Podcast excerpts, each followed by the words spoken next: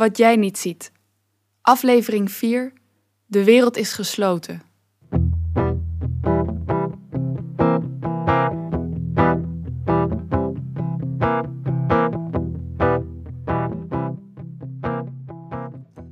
Ik zit met mijn ouders aan tafel. We eten broccoli met gebakken aardappeltjes. Mmm, lekker. Het liefst zou ik alles vertellen. Van de operazangeres, van de man met de hond, van Dylan. Ja, het is lekker, mam. Ik durf het niet. Ik wil ze niet ongerust maken. Minne, we moeten het ergens over hebben. Oké. Het is beter als je voorlopig niet meer naar het pleintje gaat. Wat? Ja, je, je, je moeder en ik denken dat dat voor nu het beste is. Dan ga ik wel bij Joes thuis spelen. Nee, nee, nee. Nee, nee ik, ik bedoel, je moet echt even thuis blijven. Mam, is dit serieus? Ja, nou ja, Minne, ik moet zeggen dat ik het... Het is nu wel echt... Wat? Je moet gewoon thuis. Eh, ja, binnen blijven, zeg maar. Het is nu even zo. Mam, je praat gek. Het is echt even het beste, Minne, ook voor jou. Ze klinkt net als die mens bij wie we aan hadden gebeld. Dit is allemaal de schuld van de man met de hond. Door hem mag ik niet meer naar buiten. Voor helemaal niemand is dit het beste. Ik moet naar buiten. Ophouden nu. Ja, maar... Nee, nu. Ik ga eventjes... eh, volgens mij heb ik nog niet... Dat, dat wel veilig.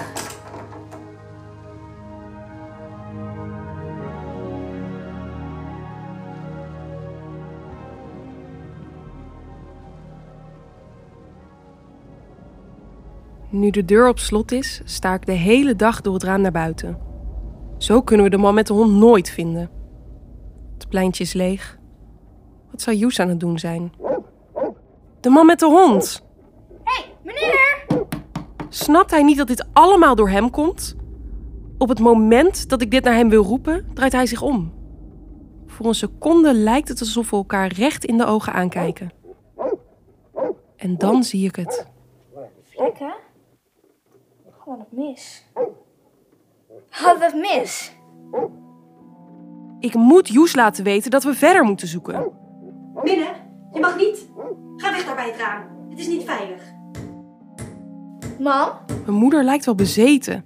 Ze timmert met planken de laatste kans op een blik naar buiten dicht. Mam, wat doe je? Het lijkt wel voor ondergedoken zitten. Maar we weten niet voor wat. Volgens mij is ze gek geworden. Volgens mij is iedereen helemaal gek geworden. Ik moet Joes spreken.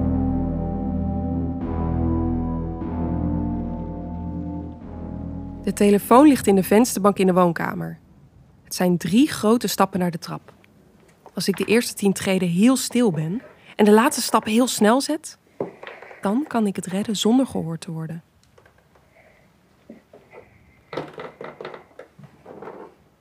Het telefoonnummer van Joes ken ik uit mijn hoofd. Mijn hand trilt een beetje als ik de getallen intyp.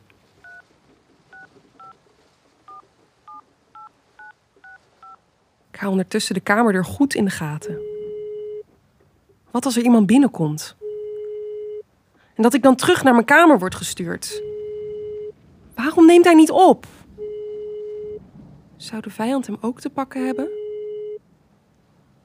En net als ik wil ophangen? Joes, gelukkig je bent er. Ik ben er. Ik was even bang dat... Nee, Minne, wij zijn nooit bang. Nu lijk je net een dappere bangerik. Oh, Joes, ik moet je wat belangrijk vertellen. De man met de. Joes, Oh, man. met wie ben je aan het bellen? Minne, want... Ik had je toen gezegd dat je niet meer met vriendjes mocht praten. Maar, Joes, maar mam, het is belangrijk. niets ervan. Ik tel tot drie. Eén, twee, Joes, niet ophangen, het is...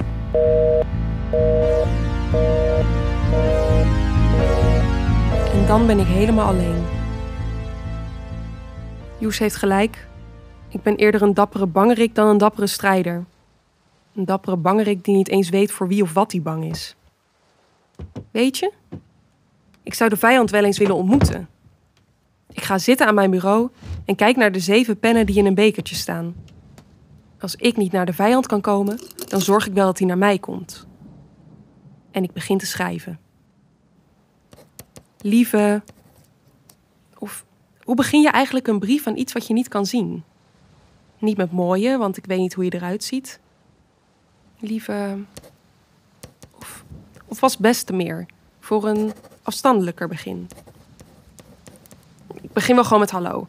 Want als je een brief schrijft, hoor je de ander te begroeten. Hallo. Hallo.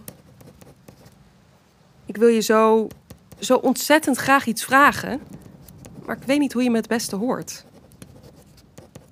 Als ik zachtjes voor me uitfluister, zo zacht dat het een zucht lijkt, of moet ik het uit het raam schreeuwen, zo hard gillen dat niemand het meer kan verstaan? Moet ik het op de muren verven? Moet ik het in gebarentaal naar mijn spiegelbeeld uitbeelden? Kom dan! Ik ben niet bang voor je. Ik zou je een schop willen geven of van het duikelrek willen duwen. Ik zou willen dat ieder woord dat ik nu schrijf je als een pijl zou raken. Waar blijf je? Het is niet eerlijk. Het is niet eerlijk dat jij alleen tegen mij kan vechten. Ik weet niet eens wie je bent. Niet eens waar ik deze brief moet posten. Hoe kan ik dan terugstrijden? Ik ga wel even weg. Durf je dan wel te komen? Ik hoop dat je hier dan binnenloopt en dat je oog valt op deze brief. Dat je blijft lezen en dat je dan de laatste vraag ziet die ik opgeschreven heb. Wie ben je? En dat je dan de brief meeneemt en iets hier achterlaat. Waardoor ik ineens begrijp wie je bent. En dat jij dan ophoudt en alles eindelijk weer normaal wordt. Dat ik met Joes weer buiten mag spelen. Dat mijn moeder weer normaal praat. En het huis eindelijk niet meer ruikt naar zwembad. Ik mis de juf zelfs een beetje. Wil je dat alsjeblieft voor me doen? Heel veel liefs. Minne. Ik zet de pen terug in de beker. Vouw de brief keurig in drieën en hou hem even stevig tegen me aangedrukt. Dan weet de vijand dat ik niet bang ben. Dat ik hem zo een knuffel zou geven. Ik ben nooit bang. Vijand, kom maar op. Ik ben niet bang. Voor niemand bang.